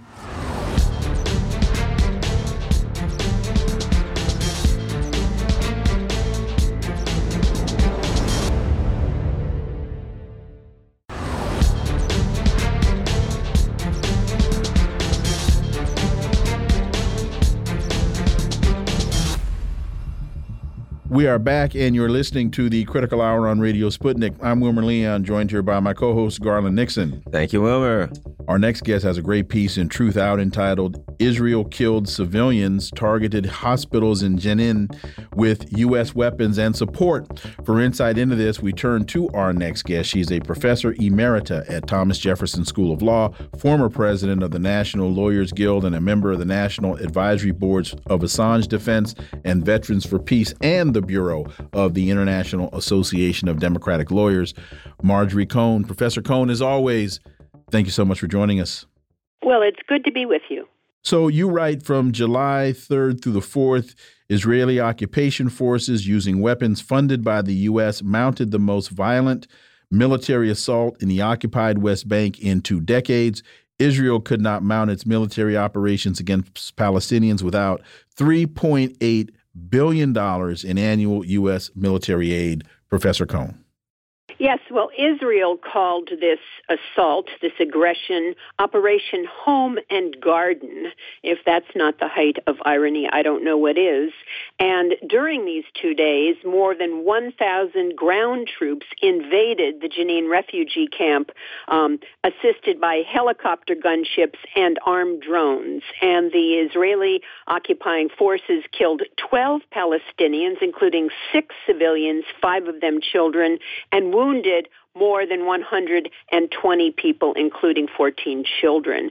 And they partially destroyed 109 houses, extensively damaged the infrastructure, leveled the streets, and created a powder power outage, and about 4,000 Palestinians were forcibly displaced from their homes. And whereas the Israelis had used armed drones against in Gaza, now they're using them uh, in the occupied West Bank as well. Uh, one of the things you talk about here is in in, in your article is uh, international law. How the about the I mean the we certainly nobody wants to see violence. We want to see this thing end as quickly as possible through negotiated settlements. You talk about under international law, the occupying power is not entitled to self defense against the people that occupies. Um, your thoughts on that and why it's important in this article?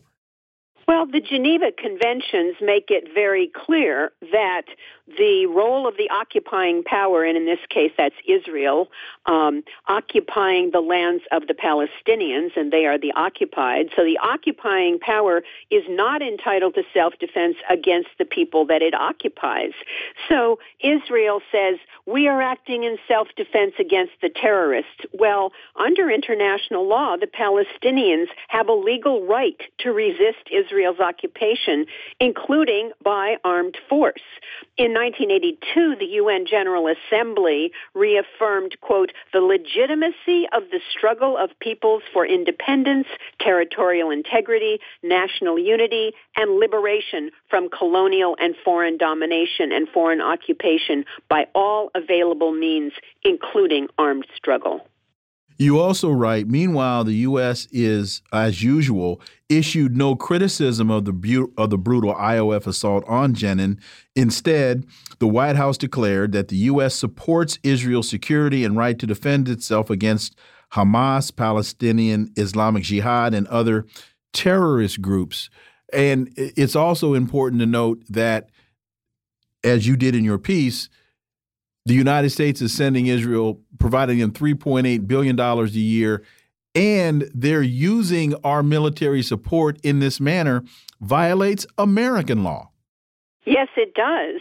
Um, two particular laws, U.S. laws, the Leahy Law, which forbids Congress from funding foreign military forces who commit gross violations of human rights, and the um, for years, people have been talking about how Israel is maintaining an apartheid system. And in the last few years, Amnesty International, Human Rights Watch, B'Tselem, the Israeli uh, premier Israeli human rights group, have all said and documented that Israel is running a an apartheid regime. You know, we we hear so much about how Israel is a democracy, and that's true. Israel is a democracy if you're Jewish. If you're not Jewish, it's not a democracy at all. Um, it's an occupation. It's illegal. It's apartheid. Um, then there's the armed. Well, wait a minute. Wait a minute. Wait a minute. To to that point, hence the desire to construct, and this is their language, not mine, a Jewish state. Yes, exactly. Exactly. A theocracy, a Jewish state. And, you know, the Israeli government for years has given lip service to, um, you know, two state, the two state solution, an Israeli state and a Palestinian state side by side. Meanwhile, gobbling up Palestinian land, illegally building Jewish settlements on Palestinian land, um, so that there is no contiguity between Gaza, the occupied West Bank, um, etc. And but and and so it's really not even feasible the the uh, two state solution although the US still gives lip service to the two state solution. But Netanyahu and his uh, right wing coalition have now talked about how um, there really isn't going to be a two state solution. There's going to be a one state solution and that's the Jewish state. So they're not even giving lip service to that myth anymore we also have to hear that Israeli illegally targeted civilians, hospitals, denied access to ambulances. What do we know? You know, how do we know that that happened? What do we know about that? And isn't that considered either war crimes or crimes against humanity? Yes, absolutely. Both prohibited by the Geneva Conventions, which provide that civilian hospitals must never be the object of attack and civilians must never be targeted. Um, that there is a a, uh, an obligation to distinguish between civilian and military targets. But on July 3rd, which is when Israel's assault on the Jenin refugee camp began, um, Nidal Obeidi, the Jenin's mayor, told Al Jazeera that um, those being targeted now are not just the resistance fighters, but civilians are being killed and wounded as well. And of course, that's uh, the the result makes that very clear. Um, so many civilians killed, including children, wounding so many others. Switching gears, you also have a piece in Truthout. Julian Assange is dangerously close to extradition for revealing U.S. war crimes. This is the first time a publisher has been charged under the Espionage Act for disclosing government secrets. We have been saying on this show, and others have been saying, that the United States, that the last thing the United States wants is a coherent Julian Assange on U.S. soil. Your thoughts, Marjorie Cohn? Well, if they if they succeed in extraditing Julian Assange, and of course they're closer than ever to doing that, I'm talking about the Biden administration now, um, they will have him locked uh, in, in invariably in a maximum security prison in almost solitary confinement, even though they gave assurances to the British court that they would not do that. There's a big loophole uh, which they would use to to uh, keep Julian Assange in inhumane conditions. Um, but uh, he is he for nearly five years. Julian Assange, who is a publisher and journalist and the founder of WikiLeaks, has been fighting extradition to the United States. He's facing 175 years in prison. Why? For revealing evidence of U.S. war crimes. The Obama administration prosecuted more whistleblowers under the Espionage Act than all prior U.S. presidencies combined. But even Obama did not charge Julian Assange. They considered it but decided not to because WikiLeaks did exactly what the New York Times and other um, media outlets do, and that is to publish uh, evidence of government lawbreaking, cons- classified information. Well, Joe Biden, instead of following along with his buddy Barack, whom he likes to, you know, attach his coattails to, um, is is going along with Trump, who actually did file charges against Julian Assange, and the Trump administration even tried to assassinate Julian Assange when he was in the uh, Ecuadorian embassy under a grant of asylum in London.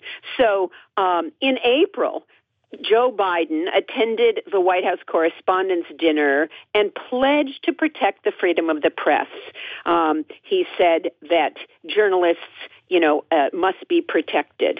And yet he is continuing Trump's prosecution under the Espionage Act. And, and this is, this is breaking news, James Ball is one of at least four journalists that the U.S. Department of Justice and the FBI are pressuring to cooperate with the prosecution of Assange. Um, this was came out in Rolling Stone. Apparently, they're trying to bolster the prosecution of Assange uh, if and when he's extradited to the United States. But um, James Ball said in this Rolling Stones piece that all three of the other journalists he talked to said they have no intention of helping the prosecution. Uh, something that you talk about, the UK US extradition treaty prohibits extradition for political offenses, and you kind of lay out some legal challenges to what they're saying. If you could um, review those with us. Yes, well, the Espionage Act, um, for, first of all, let me just say that Julian Assange is charged with um, conspiracy to receive and disclose national defense information, obtaining and receiving national defense information, and unauthorized disclosure of national defense information, and conspiracy with Chelsea Manning to commit computer intrusion to, related to national defense.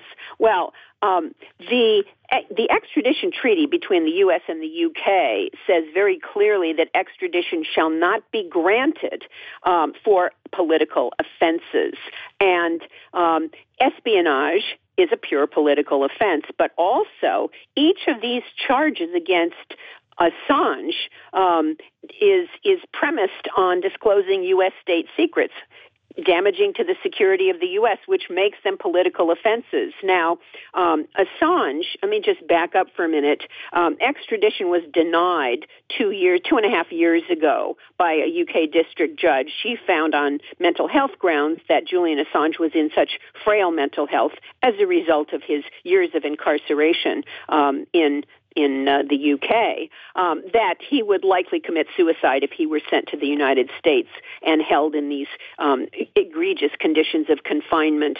Um, and but that that result was overturned by the UK High Court on appeal because the US came forward forward with these so-called assurances that he'd be treated humanely and I already said that you know that's that will not happen, um, that they would hold him in these very inhumane um, conditions. But Julian Assange raised several other issues, such as this political offense, um, freedom of expression, ulterior political motives, etc., and new evidence um, that were not considered by that were rejected or not considered by the UK district judge. So now his appeal's pending in the High Court, and on June the 8th, um, Swift, who is a British judge, Sir Jonathan Swift, rejected Assange's 150 page appeal in a cursory three page denial with almost no analysis of the issues. But one thing Swift did write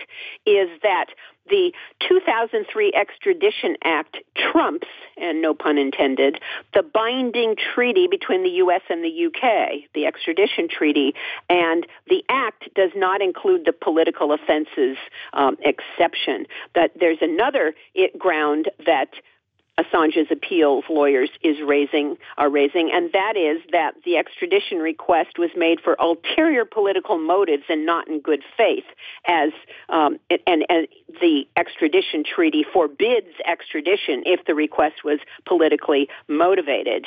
Um, and the lawyer, his appellate lawyers say that the legally unprecedented and selective nature of the prosecution, focusing on leaked national security information, speaks to the political character character of the prosecution and the request for extradition. Um, and as you said at the beginning, this is the first time a publisher has ever been charged mm-hmm. under the Espionage Act for disclosing government secrets. Um, certainly, whistleblowers have been charged. The leakers of the materials have been prosecuted, mm-hmm. albeit selectively, but no publisher has been prosecuted. And also, Julian Assange is arguing that under the European Court of hum- under under the European Convention on Human Rights, which protects freedom of expression, um, he, that that there is a violation there as well because the indictment is focused almost entirely on work that national security journalists do every day, cultivating sources, uh, confidential communications with mm -hmm. those sources, soliciting information, etc. Professor Marjorie Cohn, as always, thank you so much for your time. Greatly, greatly appreciate that analysis, and we look forward to having you back. Well, thank you so much. I look forward to coming back. Folks, you're listening to the Critical Hour on Radio Sputnik. I'm Wilmer Leon. I'm joined here by my co host, Garland Nixon. There's more on the other side. Stay tuned.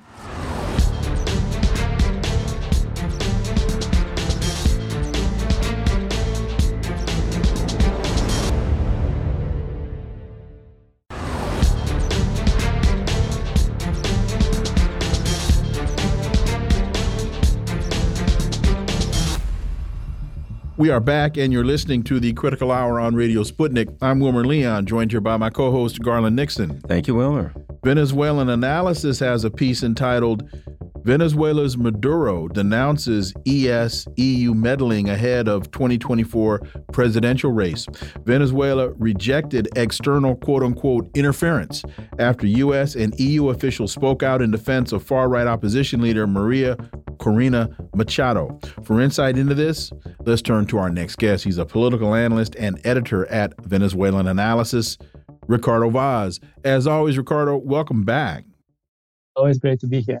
So, Venezuelan President Maduro has accused the U.S. and the EU of seeking to, quote, sow the deadly poison of fascism, end quote, in the country after senior officials spoke out against the political disenfranchisement of far right opposition leader Maria uh, Corina Machado.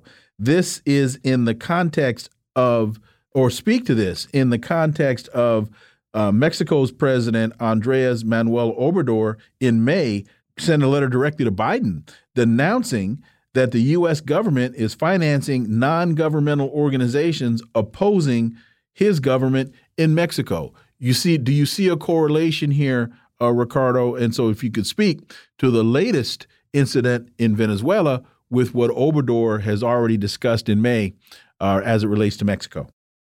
Yeah, absolutely. I think this is a, a very common pattern of uh, US actions in the hemisphere of trying to subvert electoral processes for their own purposes. And, you know, j- just to make a, a, side remark, there's sometimes uh, an overuse of the term fascist, you know, as a very mm-hmm. easy label. uh, to, towards right wing uh, politicians. But I think in the case of Maria Corina Machado, it's a more than fair um, classification of, of where she stands and, and what she believes in. So we're now in the um, in the run up to presidential elections next year here in Venezuela, and uh, the U.S. is already trying to meddle and see how it can skew that process in its favor. So the Venezuelan opposition, for a long time, decided that elections were not their thing. They were just going to try and you know provoke a military coup. They were going to wait for U.S. sanctions to destroy the Venezuelan economy and trigger some sort of social explosion. And then they realized that, you know, they had severely underestimated Chavismo. That wasn't going to work. And they said, oh, wait a minute, now, we, we now we now want to run in elections again. So they ran in the regional and local elections in November 2021. We talked about it. Basically, all the opposition parties ran, and, and Chavismo still won quite handily uh, in, in both counts. And now there's this presidential election coming up next year. There's still no fixed date. And the opposition is organizing a primary to decide on some kind of unified candidate that's already gone out the window because some other uh, opposition figures have, you know, said that this uh, U.S.-backed sector does not represent them, so they have no obligation to to submit to their dictates, and so they're, they're sure they're sure to be three or four opposition candidates next year, which of course divides the anti-Chavista vote. In this specific case, Maria Corina Machado has been at the forefront of all unconstitutional efforts to oust the Bolivarian government. You know, she was uh, present in the 2002 coup. She tried to alleged fraud in the 2004 recall referendum with no evidence whatsoever. She became very famous internationally when she was hosted by George W. Bush at the White House as some kind of freedom fighter. And then she has called for military uprisings. She has repeatedly called for U.S. foreign invasion. She has supported sanctions. She supported Guaido until she decided even Guaido was not extremist enough for her. And so now uh, some polls have her in the lead in these opposition primaries, but the Venezuelan Comptroller General's office has has ruled that she's banned from holding public office, which you know I find a very reasonable, a very reasonable judgment. But then here come these uh, U.S. officials, these European Union officials, uh, you know, spouting their their nonsense that somehow this is curtailing democratic liberties. So it is uh, just to go back to your point, um, kind of a DMO of, of of the U.S. First of all, to try and uh, influence institutions from different countries that have no reason to answer to, to, what the US says. And then, of course, in terms of funding, I mean, Maria Corina Machado is from the, the oligarchic uh, tradition in Venezuela, but she has been wealthily funded by, by US programs throughout her entire career. So it's, it's pretty clear that she's a, a US agent. And in, in that sense, I think it makes perfect sense for her not to be allowed to run for office. Um, well, you didn't mention, you did say that, you know, it's reasonable to uh, refer to her as a fascist. If you could, tell us a bit about her that we need to know that leads you to make that conclusion. Yeah, absolutely. I mean, she was uh, present in this 2002 coup, and the leader to this coup was this um, very aggressive stance against uh, Chavista, also on on class and racial terms. So, uh, attacking the Chavista people for being uh, black, for being poor. Uh, she she also, I mean, she's been very open about the need to, without saying it so many words, but to exterminate Chavismo as a movement. She has uh, repeatedly called for military coups. She has said that she's going to privatize uh, everything in sight. So a really, uh, there, there's really no saving grace from from her beliefs. Also, very uh, hardline religious beliefs that you know, traditional family and and all of that. So. Uh, and, and, not to mention uh, a very close affinity with all the, the, the very far right and fascist leaders in, in the region. So there's uh, there, I don't think there's anyone to, to her right in terms of the Venezuelan political spectrum. Nothing, no one relevant at least. You uh, published a story a couple of weeks ago that I think is very relevant to what we're talking about now. As Venezuela mends ties with Latin neighbors, Western media turn up the propaganda. Uh, you and the you have a picture here of President Maduro and uh, President Lula. And you say uh, Maduro's government has slowly and steadily regained the diplomatic standing in recent years, overcoming U.S. endeavors to turn the country into a pariah state as part of its regime change efforts. Uh, so, and then you talk about the commitment was on full display when Nicolas Maduro was hosted by President Lula of Brazil in a major blow against the campaign to isolate Venezuela. Your thoughts, Ricardo Vaz? Yeah, so just as, as you were talking about U.S. efforts to to meddle and and finance finance uh, opposition politicians, not just in Venezuela, you know, all, all across the Americas. You, you, were mentioning Mexico. This this comes hand in hand with uh, ramped up propaganda from the corporate media. I mean, this this is no surprise. You know, the symbiosis between the the State Department and and the media establishment. But uh, the picture in Latin America over the past two or three years has been of a steady recovery from the left. And so the US can no longer count on these um, surrogates or puppets or allies to support uh, regime change efforts against, against Venezuela. So it's steadily losing or facing the prospect of losing its hegemony in the continent. And so it's, it's trying to, to react somehow. So on one hand, we see this uh, offensive from from the corporate media in you know trying these arguments that somehow Lula has abandoned his promise to quote unquote save democracy by hosting the democratically elected president of Venezuela, stuff like this.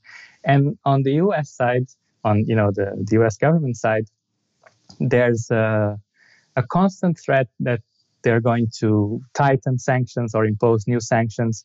Also, you know, keeping in mind that there are elections next year, the US needs to create a scenario that is as favorable as possible for, for anti government uh, candidates. So I think th- those two efforts, as always, go hand in hand. You know, on one hand, the meddling directly from the, the US government, and on, on the other, this uh, campaign to create a narrative that will justify these imperialist policies.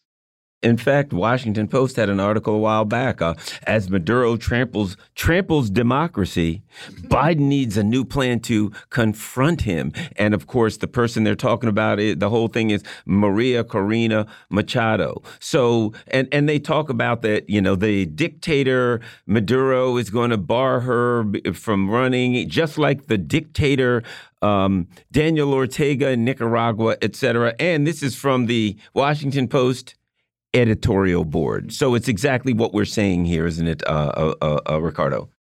Yeah, yeah, absolutely. And it, it's remarkable how, even here in Venezuela, uh, Maria Corina Machado was always seen as a fringe figure, as someone who was, even for Venezuelan opposition standards, too extremist. And yet, for, for, for, for Washington and for the media, she seems just what, what the doctor ordered. And I think there's also a reason for that. You know, when, when she says that she's going to privatize the oil industry, this is like, you know, this, these cartoon scenes where, uh, you know, the, the characters see dollar signs on, on their eyeballs. This is exactly what must go on in, in, in Washington. And yet, even even the other opposition candidates who need to stand against Chavismo say that you know this is ludicrous. How, how are we going to just surrender the oil industry to to private interests. So that kind of kind of shows why the the U.S. empire and, and, and all its uh, propaganda arms are so invested in, in, in Maria Corina Machado. But she's she's barred from running. You know that that's the reality. The U.S. can try as it might to, you know, try and squeeze the the, the sanctions on, on the Maduro government, try and blackmail to see if this somehow gets uh, executively executively overturned. But that's the reality right now. Another piece from Venezuelan analysis Venezuela oil output increases, Russian firm seeks Chevron type deal.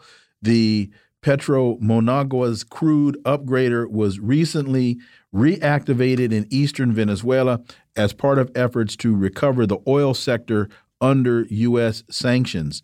This seems to be quite a step forward. Yeah, absolutely. I think sometimes we, we have to, to deal with uh, difficult circumstances, but this time it, it's good news. Actually, the oil industry has been increasing its production in, in the past two or three months.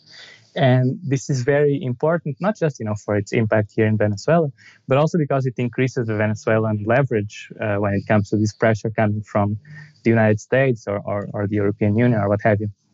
So a few months ago, uh, you might have heard that there was a corruption scandal in the oil industry, some uh, money that was being diverted that was that led to a big clampdown and a, a revision of all the sales contracts. And now steadily, the production has has begun to, to increase. Here we have to mention the, the role of of Venezuela's allies. For example, Iran has been crucial in supplying uh, condensate, which Venezuela needs to turn its extra heavy crude into these uh, exportable grades. China remains the biggest uh, buyer of Venezuelan crude.